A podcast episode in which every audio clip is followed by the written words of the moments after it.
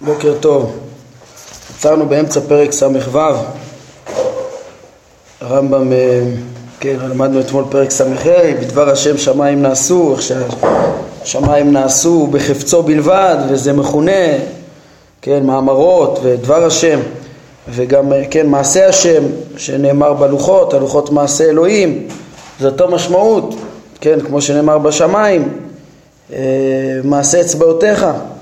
אז זה גם הלוחות אבן שכתובים באצבע אלוהים, הכתב והמכתב והלוחות, הם כולם בעצם, הם, אמר הרמב"ם, זה נבראים, אה, בריאות שנובעות מהקדוש ברוך הוא, פעולותיו, ו...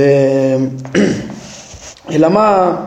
שהרמב"ם הסביר לנו שכלשון אה, בעיני אדם, כדי שיהיה ברור שזה פעולה של הבורא, זה מתואר כדיבור וכמעשה, אה, כן, להדריך לזה שהשם אה, פעל, ברא את הבריאה וברא את התורה, הרמב"ם אמר שגם היא נבראת, כן, או שקול בא מאיתו, או ששפע נבואי שכלי בא מאיתו, הכל פעולותיו, אז כדי להדריך את זה ש, שהנביאים לא אומרים מעצמם והבריאה לא מעצמה, אלא מהבורא זה מתואר כמו שאנשים מבינים מה זה פעולה. כן, אם זה בדיבור, בציווי או בעשייה או בתיאור העשייה, אבל בעצם אופן העשייה הוא לא כפשוטו, כפשוטם של הדברים, אלא הרמב"ם לימד אותנו על ההשאלות של האמירה והדיבור, אה, שבסוף הכוונה על החפץ. אה, הגענו לפסקה שלוש, אך אונקלוס נקט בעניין זה פירוש מפליא, הכוונה לנקודה האחרונה של הלוחות, לוחות אבן כתובים באצבע אלוהים, הרמב"ם הראה ש... שזה בחפץ אלוהי ראשון. השם בחפצו רצה ו... ונברא כתב על הלוחות. כמו שנאמר בשמיים, מעשה אצבעותיך, ובדבר הש... וכמו, אף על פי שנאמר במקום אחר, בדבר השם שמיים נעשו. אבל אונקלוס אומר ככה, פירוש מפליא, גריב, גריב הוא מוזר ובעל סוד. ואמר, כתיבין באצבע עד השם, כתובים באצבע השם. כי הוא הבין אצבע כדבר מה הנסמך להשם. ופירש, כן, פשיטה שזה לא של השם בעצמו, גם אונקלוס לא התכוון לזה, אלא, כן, לא של השם יש אה, גוף, יש ידיים, אצבעות, אלא דבר מה נסמך להשם, הוא פירש אצבע השם כמו הר השם, הוא מטה השם, כן, שהר השם זה ההר שבו התגלה כבוד השם, או מטה השם זה המטה שנעשה, ש, ש, שנעשו ניסים שהשם פועל אותם, אה, כן, בנוכחות המטה הזה שהוא אומר למשה לקחת, כן, וכוונתו בכך שהיא כלי נברא שחקק את הלוחות בחפץ השם. זאת אומרת השם פה כמובן שיכול היה ליצור כתב ברצונו בלי אמצעים, אבל אונקלוס הבין שמה שכתוב, כתובים באצבע אלוהים זה שהשם גם ברא איזה מין אור נברא מיוחד, מין אצבע שכתבה, חקקה את, ה, את הכתב על הלוחות אמ, ב, כן, בחפץ השם. אומר הרמב"ם, איני יודע מה הביאו לכך. היה מתאים יותר לומר, כתיבין בממרא השם, כתובים במאמר השם, כן? כמו שנאמר בדבר השם שמיים נעשו. האם לדעתך קיומו של הכתב על הלוחות מפליא יותר מקיומם של הכוכבים בגלגלים? כמו שזה בחפץ ראשון ולא בכלי שעשה אותם, כך גם הכתב הכתוב בחפץ ראשון לא בכלי. כן, אה, מה, לכאורה מה, מה הביא לפירוש של אה, אונקלוס ש, שהשם אה, בורא איזשהו אור נברא, איזה אצבע אלוהים שכותבת, כי בעצם כתב זה לא דבר טבעי, זה לא דבר זה דבר שצריך להיות, אה, כן, אנחנו מכירים כתב רק על ידי כתיבה, כמו של אדם. אז אה, אולי זה הדבר כל כך מופלא שחייב להיכתב באיזה, באמצעות איזה אמצעי, באיזה אצבע אלוהית אה, נבראת. כן, ו... והרמב"ם אומר אבל זה לא, לכאורה אין, אין שום הכרח, הרי עצם קיום הכוכבים בגלגלים, הסדר הזה המדויק ו... ובעצם כל הטבע שהוא בחוכמה, הוא מביא דוגמה מהנבראים הכי עליונים, אמ, הכוכבים בגלגלים, האם זה דבר, הרי זה גם צריך ייחוד וסידור, אמ, אז כמו שזה נעשה בחפץ בלי כלי, גם הכתב יכול להיעשות בחפץ לא בכלי. אה, היינו בחפץ ראשון, כמו כל הבריאה. אומר הרמב"ם, ידועים לך דברי המשנה, על עשרה דברים נבראו בין השמשות. כן, במסכת אבות, פרק ה', צריך להיות במשנה ה', במהדורה של אה, הרב שילת על מסכת אבות, עם, אה, כן, על פי כתב יד הרמב"ם, אז זה במשנה ה'. אה, אולי מהדורות אחרות הם הפנו לפיהם, זה ו'. ובכללם, בין עשרה דברים שנבראו בין השמשות, אז יש את הכתב והמכתב. הכתב, הרמב"ם אומר, זה התורה, התורה הנבראת, והמכתב זה המכתב שעל הלוחות, כן, והיא ראיה על כך שמוסכם על כל האומה, כמו שהוא רמז לזה בתחילת פרק ס"ה, שכולם מודים שהתורה נבראת, אז גם מוסכם על האומה שמכתב הלוחות הוא כשאר כל מעשה בראשית, כמו שבאנו פירוש המשנה שם. היינו, מה זה כשאר כל מעשה בראשית? כמו כל מעשה בראשית שלמדנו, שנאמר, כן, בדבר השם שמיים נעשו, וכמו שהתורה מתארת את מעשה בראשית במאמרות, והבנו שמאמרות ודיבור בפרק הקודם, אה, מאמר השם ודבר השם זה בעצם רצון השם, כן, אז ככה גם שאר הדברים שנבראו בין השמשות, כמו הלוחות והכתב והמכתב, אה, הכל נברא בחפץ ראשון, הכל, אה, ולא באמצעות שום כלי, אז אין שום סיבה להגיד שבמתן תורה נברא איזה אצבע מיוחדת שכתבה. כן, ושוב, אהבה אמינא של אונקלוס, כאילו כנראה, מה שהביא אותו זה שכתב זה מיוחד, זה חייב להיות כמו פעולה אנושית, אבל הרמב"ם אומר, לא, הנה זה נברא כמו כל הדברים. עכשיו, הדברים של הרמב"ם שם, פירוש המשנה, הם מפורסמים ויסודיים, הרמב"ם מפנה שם לשמונה פרקים, להקדמה למסכת אבות, לפרק שמיני, ומלמד בכלל ה, על הניסים, הרמב"ם מעריך ב... מעריך בזה, בקיצור, בפרק 88 פרקים ויותר בהרחבה, גם שם על הפירוש המשנה הזאת, ש... כן, כל הניסים כולם, כל שינויי הטבע ש...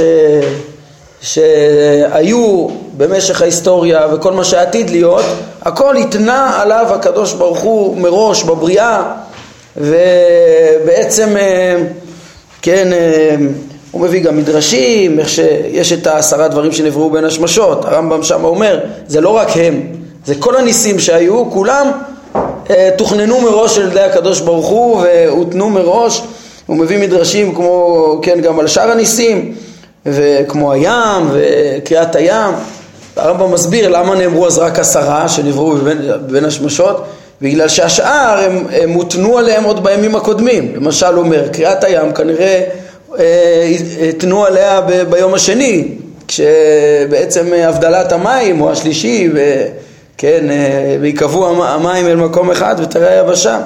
קיצור הרמב"ם אומר שכל הניסים זה לא איזה שינוי בתוכנית האלוקית, זה לא איזה דבר שהוא לא חשב עליו מראש, וכולם נעשים בחפץ, בחפץ הבורא, וכמו כמו כמו כל שאר מעשה בראשית. כן, טוב, עכשיו פה, אז שימו לב, למדנו את uh, פרקים ס"ה וס"ו, הם בעצם הם, uh, שייכים לאותו עניין, שהרמב"ם מבאר לנו בהם מה זה, uh, כן, דבר השם, מאמר השם או מעשה השם, שהכל זה בעצם בריאות שנעשות בחפץ האלוקי, כן? אה, אם זה מדובר על אה, התחדשות במציאות, אז זה, זה בריאה שנעשית בחפצו. ראינו בפרק ס"ה גם את העניין של הנבואה, שגם אם מכלל הפעולות אה, שהשם מנבא את הנביאים, זה בעצם מגיע ידע אלוהי לנביא, ששופע לנביא, אבל הכל בחפץ השם בלבד, בלי שום כלי, בלי שום אמצעי, אפילו החפץ הוא לא אמצעי בפני עצמו, אלא אנחנו מתכוונים שהם מעצמותו, כמו שהרמב"ם פירש על שם שדי בסוף אה, פרק ס"ג, כן, שבעצמותו די לכל פעולותיו, בלי שום דבר נוסף, מה שאנחנו אומרים רצון, זה שלא נעדר הרצון, זה שהוא לא מוכרח ולא כפוי בשום דבר, הכל נובע מאיתו בלא שום הכרח, כן, אה, אז זה בעצם נראה הרעיון. עכשיו פה אה, ראיתי אתמול את העיון של הרב מקבילי ופה בסוף פרק ס"ו ואני חייב להתייחס אליו. אה, זה הרב מקבילי יש לו פה מהלך שהוא רוצה לטעון שהכתב על הלוחות הוא מבין ככה, כן, או נזכיר פה דבר שיש בתחילת הפרק, היה כתוב הלוחות מעשה אלוהים המה, כוונתו שקיומם טבעי ולא מלאכותי, כן, זה לא ביד אדם, ועכשיו אנחנו, הרב מקבילי מבין מזה שבעצם עצם הלוחות זה היה סלע, איך הוא כותב פה, אה, משמעות הדברים היא שמשה מצא אותם בהר, כן? זה איזה סלע שהוא מצא בהר, כן? וככה הוא רוצה לומר, טבעיים כפשוטו. כן, האמת שזה נראה קצת קשה, אנחנו ראינו שזה בין הדברים שנבראו אה, בין השמשות, זאת אומרת זה משהו מיוחד, היה אה, יצירה אלוקית, היא כמו כל מעשה בראשית, היא לא עצם הסלעים של מעשה בראשית, כן, אה,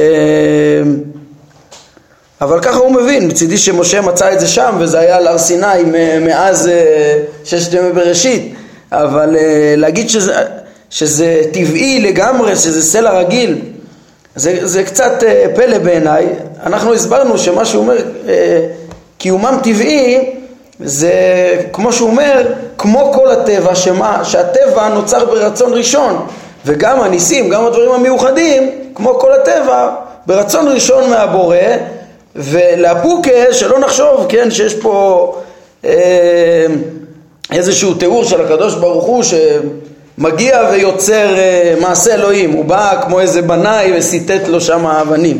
כן, כמו שהרמב"ם מביא פה על זה שהכתוב אומר ארזל לבנון אשר נטע, שלא נתאר אותו כמו איזה נוטע אה, כאדם או משהו כזה. אז הוא אומר, אה, או בכלל, לא, כפועל באיזשהו אמצעי, כעושה באיזשהו, עם איזשהו כלים, באיזשהו מלאכה, אז הוא אומר, לא, זה, כל התיאור הזה הוא כלשון בני אדם. בעצם זה כמו כל הטבע שקיים פשוט בחפץ, בחפץ, במאמרות. ככה אני מבין את הדברים פה, וככה זה בהתאם ל... לזה שכתוב, הכתב, המכתב והלוחות הם, הם, הם פלאים, הם ניסים שהתנו עליהם במעשה בראשית והם בחפץ ראשון.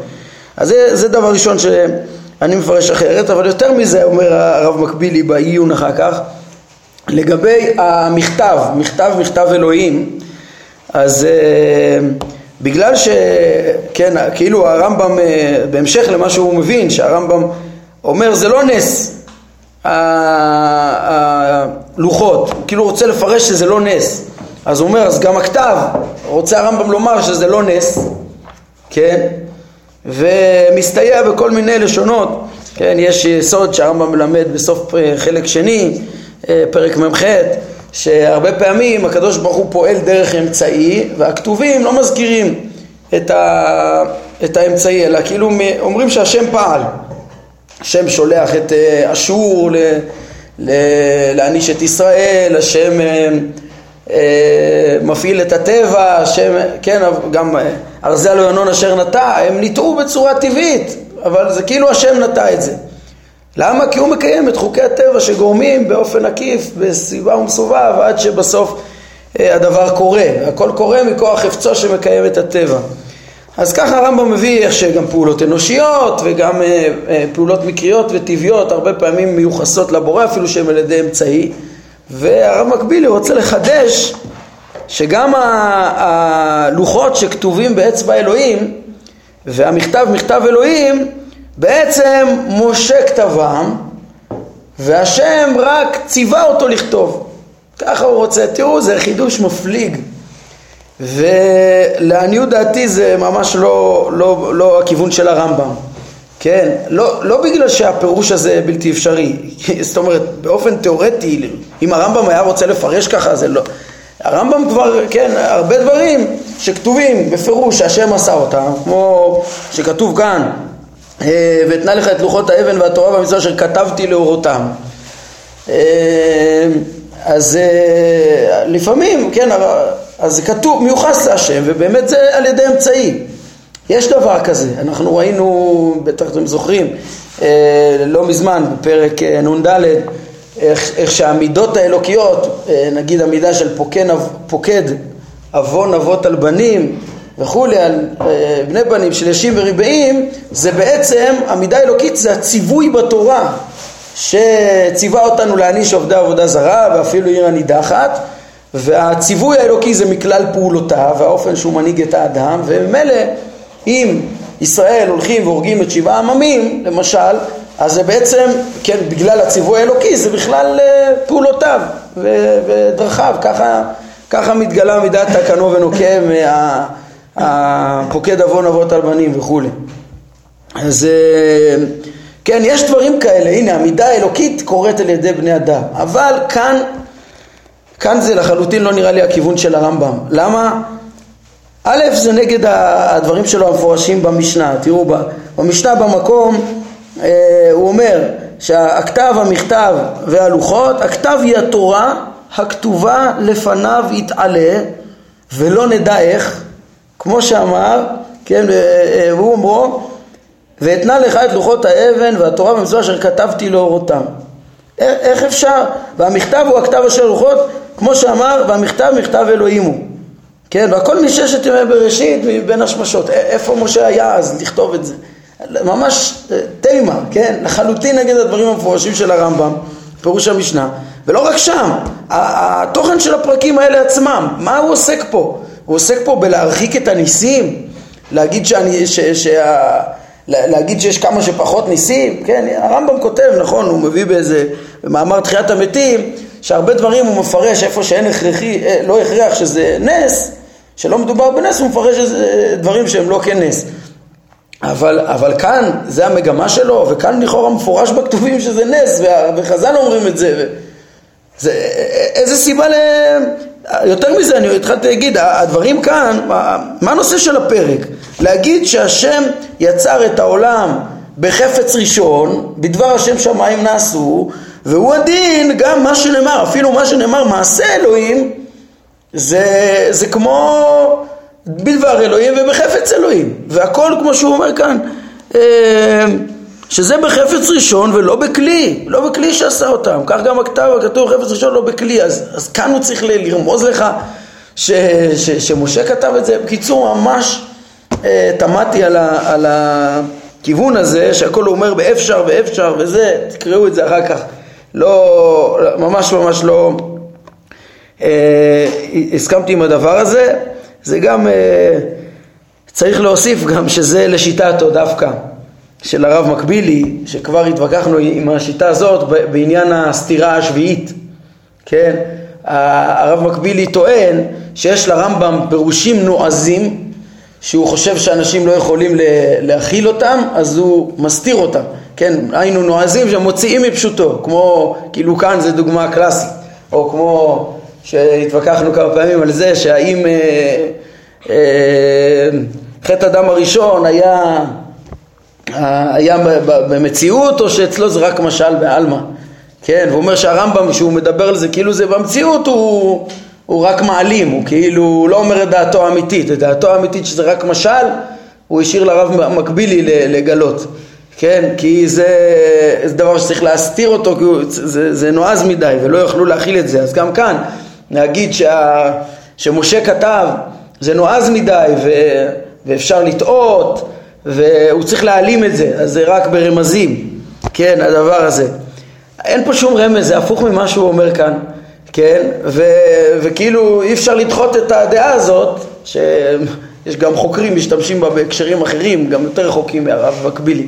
הרמב"ם מדבר על חידוש העולם בכל, בכל הספר, ופרקים מפורשים, ואומר שדעתו היא שהעולם חודש, אבל יש חוקרים שאומרים לא, הוא העלים את דעתו שהעולם קדמון. אז מהדעה הזאת הרב מקבילי התנער, אבל, אבל עצם זה שהוא פירש את הסתירה השביעית ככה, כאילו הרמב"ם מעלים את דעותיו, זה ממש פלא בעיניי, אמרנו כבר שזה בכלל לא פשטות משמעות הסיבה, כן, הסתירה השביעית, הסתירה השביעית זה דברים שמצד עצמם הם כל כך עמוקים ואי אפשר להבין אותם והם נסתרים וכן, אנשים לא יכולים לתפוס את, ה, את היישוב בין דברים מנוגדים שקיימים, ולכן הרמב"ם לפעמים מדבר על זה שהקדוש ברוך הוא לא משתנה ולא שייך בו שינוי, ובמקומות אחרים הוא מדבר שהוא משגיח ובורא ומנבא ופועל, אז איך זה עובד? איך, איך הוא פועל בלי להשתנות? כן, זה דברים עמוקים שאנחנו נגיע לפרקים של הנבואה וה, והבריאה, וכן, הבריאה והנבואה וההשגחה, אז איכשהו צריך לפתור את הדבר הזה, זה, זה עמוק, ו, אבל חייבים שכולם יאמינו בהשגחה ושכולם ידעו שהשם לא משתנה. אז הוא, מעל, הוא, הוא כאילו משתדל שלא ישימו לב לסתירה ורק מישהו ברח יצליח גם להבין את הפתרונות שהרמב"ם פותר. כן, זה, זה אמרנו הסתירה השביעית, לא דברים שבעצמם נעלמים, לא שהוא מסתיר את דבריו. את uh, פירושיו בכל מיני פסוקים שהם לא כפשוטם, הוא כותב להדיא בכל המורה, בכל פרקי המונחים ומראה לנו את המשמעויות העמוקות, המדויקות, המדויקות של השמות וגם דברים שלא נשמעים, הוא היה רגיל לדפוק על השולחן וכמה שהתנגדו אליו בנושא של עולם הבא למשל, שזה בלי גוף ושמתי התחייה אינם חוזרים לעפרם, היינו רק הנשמה שלהם, אבל הגוף שלהם חוזר לעפרו.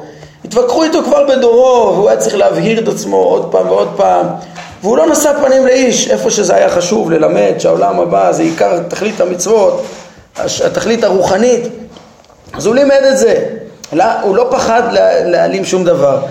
לכן, כן, אם, אם פה הוא היה, טענה אחרונה אני אוסיף, אם פה היה חשוב לו, אם באמת הרמב"ם היה סובר שהמכתב משה כתב אותו, אז הוא היה צריך, אה, כן, כדי שלא יטעו, ואם זה נועז וזה, אז שיסביר, שיסביר, יגיד את זה במפורש, ויסביר למה זה לא פוגע באמונת אה, תורה מן השמיים, כן, כי השם אמר לו והוא כתב, וכמו שהוא אמר לנו בפירוש, שהנביאים, אה, כן, פרק ס"ה, ראינו איך שהם... אה, הם לא אומרים את הנבואה מעצמם, כן? אז שידגיש את זה, שאף על פי שמשה כתב, הוא קיבל את זה מהשם. אם, אם הוא רק משאיר את זה עלום ולבד תבין שמשה כתב, אז זה ממש אה, מבלבל. והרמב"ם לא, בא, כן, לא בא להורות במורה נבוכים את המבוכה, להורות להיות נבוכים, אלא לקחת את הנבוכים ולהורות להם את הדרך. על כל פנים, זה הייתי חייב להתייחס. אה, נראה לי ממש, כן, לא רק הפוך ממה שכתוב בפירוש המשנה, זה גם הפוך מהכוונה של הפרק. כוונת הפרק להסביר שגם אה, מעשה אלוהים, כמו, זה כמו דבר אלוהים, וזה בעצם, כן, ומאמר אלוהים שעמדנו עליו בפרק הקודם, שזה חפץ אלוהים, בריאה ראשונה. ו, וככה גם, גם הניסים הם בעצם כמו הטבע, במובן הזה שהבורא בורא אותם בחפץ ראשון. כן, ועוד פרק אחרון ששייך לאותו עניין זה פרק ס"ז. אומר הרמב"ם, פרק ס"ז, כיוון שהוא שאלה אמירה לחפץ השם בכל מה שנברא בששת ימי בראשית, ונאמר ויאמר ויאמר, ושאלה להשם השביתה ביום השבת, כאשר לא הייתה יצירה. ונאמר וישבות ביום השביעי, כי הפסקת הדיבור נקראת גם כן שביתה, כמו שנאמר, וישבתו שלושת האנשים האלה מענות את איוב.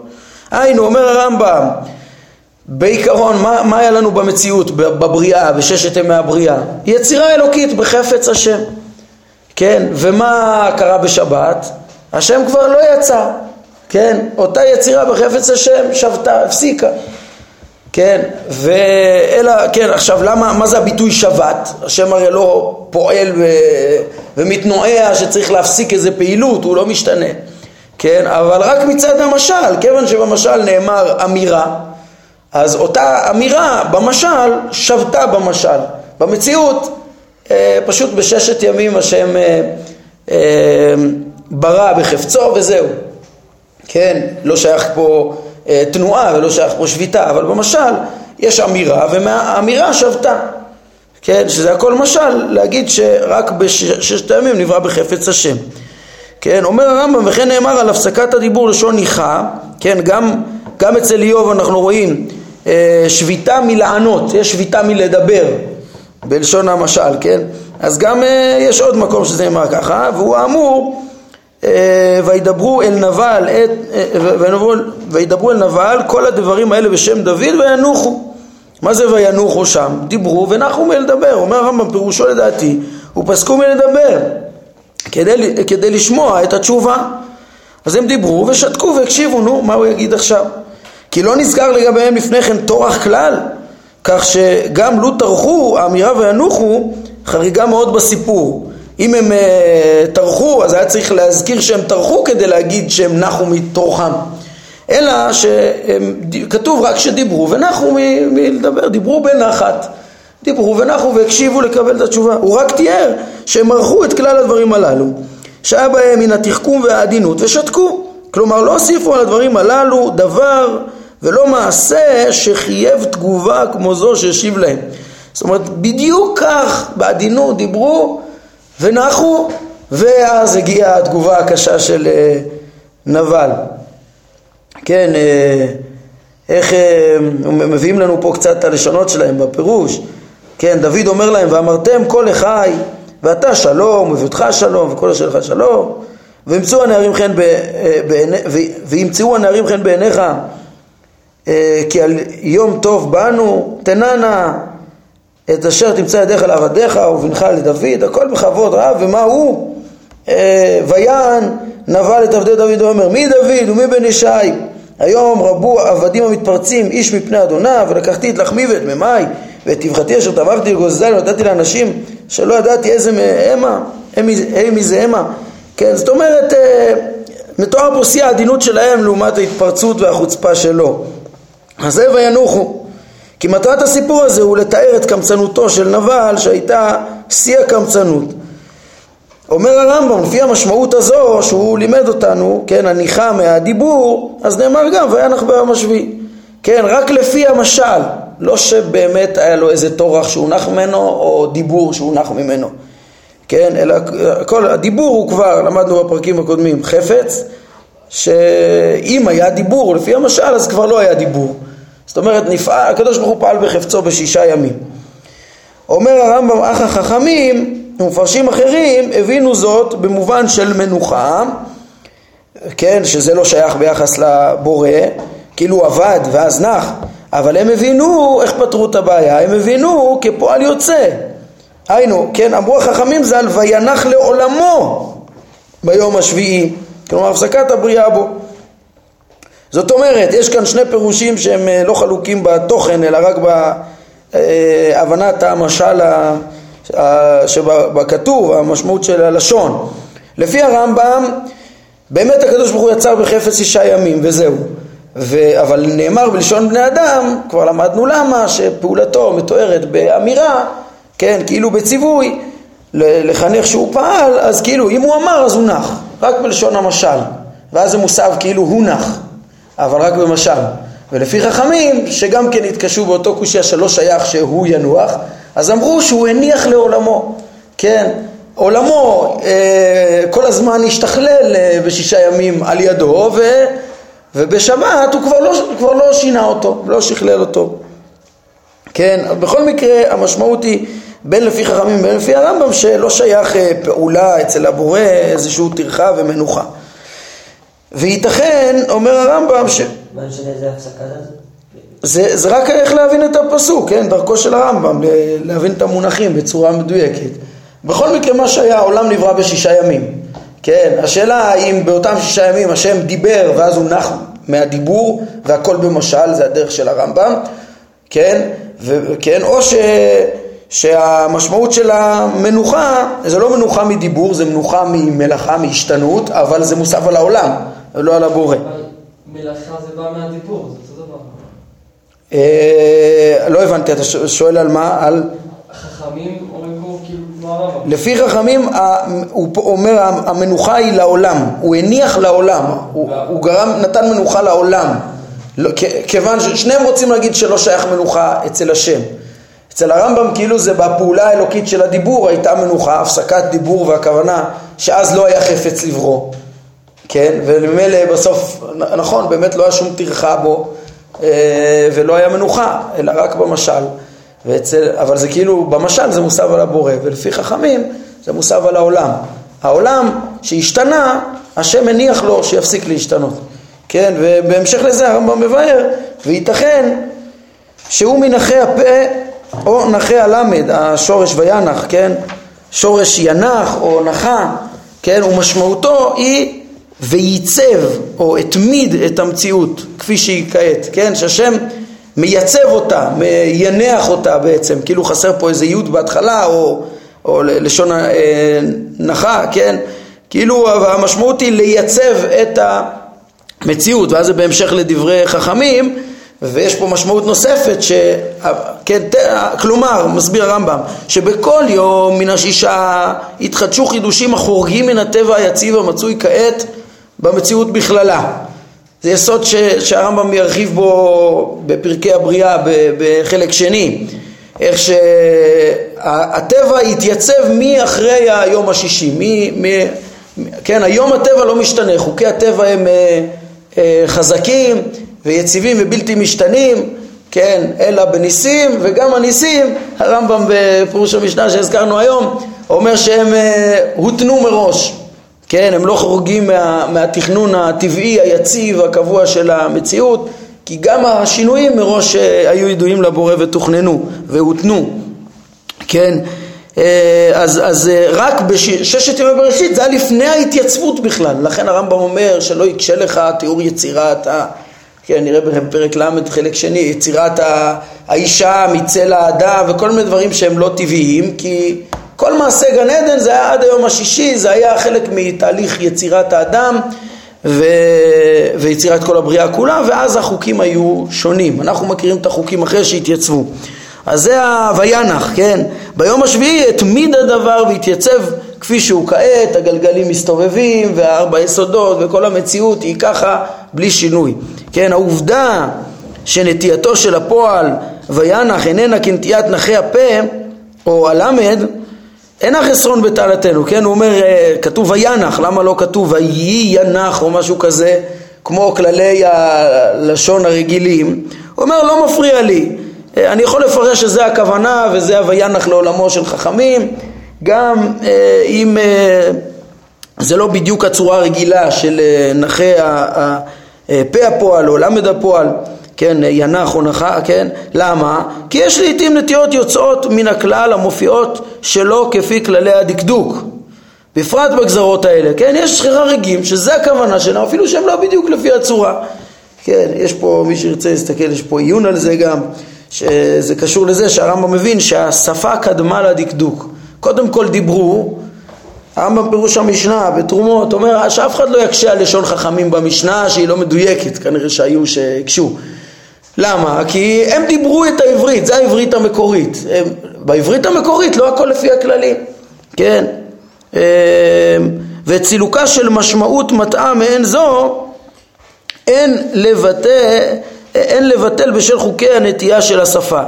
כן, זה משמעות מבלבלת כזאת, מה הכוונה פה? וינח, מי נח וזה, פה יכול להיות שהכוונה שהוא הניח לעולמו וייצב אותו, אף על פי שזה לא הצורה הרגילה, יכול להיות שזו הכוונה של האומר מראש. כן, זאת בנוסף לכך שאיננו בקיאים היום בידיעת לשוננו, גם אנחנו לא יודעים, אולי יש עוד כללים למה כך צריך להיות הצורה לכתחילה, ועוד טענה שחוקיה של כל לשון הם על דרך הרוב.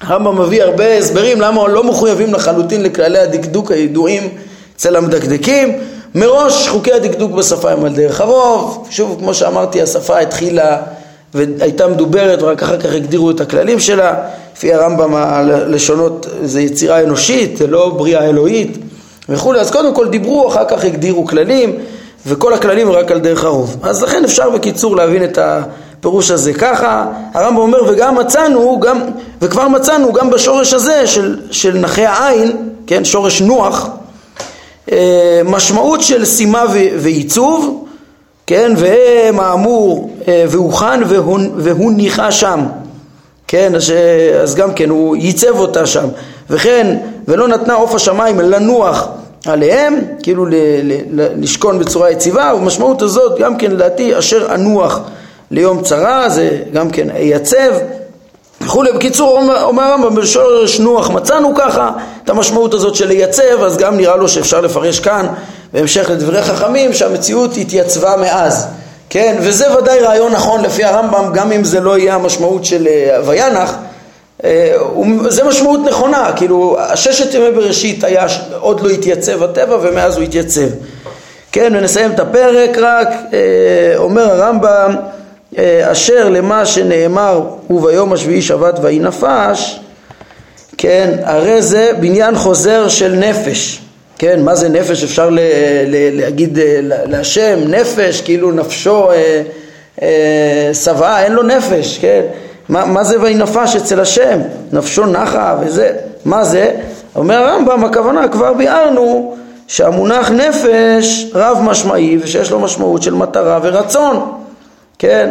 ראינו את זה פרק מ"א, ואם כן משמעותו השלמת רצונו וביצוע כל חפצו. היינו, ביום השביעי שבת, אז כבר לימד אותנו אה, הרמב"ם, מה זה שבת? זה מי, בעצם כמו שאמר, וינח ביום השביעי, הוא, הוא לא יצר כבר שום דבר בחפצו, שבת מהדיבור במשל, ויהי נפש והושלם, כל חפצו נשלם, הבריאה הייתה שלמה אה, אה, בצורה שיכולה לעמוד ולהתייצב ולהתקיים, אז זה ויהי נפש כאילו נשלם רצונו, כי ראינו שכבר, אה, אה, כן, המילה נפש זה גם, אם יש את נפשכם, את רצונכם, ראינו שזה גם נפש.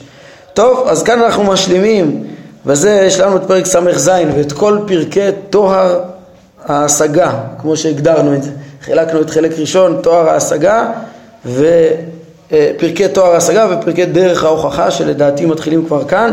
בעזרת השם, בפעם הבאה אני רק אה, צריך לדבר על זה, למה אני באמת, אה, כן, אה, על סיכום הפרקים האלה של השמות, החטיבה האחרונה שראינו מס"א עד ס"ז ובכלל את כל החטיבה של פרקי תואר ההשגה, למה אני מחלק אותה ועוצר אותה כאן ולמה הפרקים הבאים הם כבר שייכים להלאה, אבל פה זה בעצם סיום חטיבת השמות, כמו שעוד נסביר, בעזרת השם. טוב, נעמוד כאן להיום.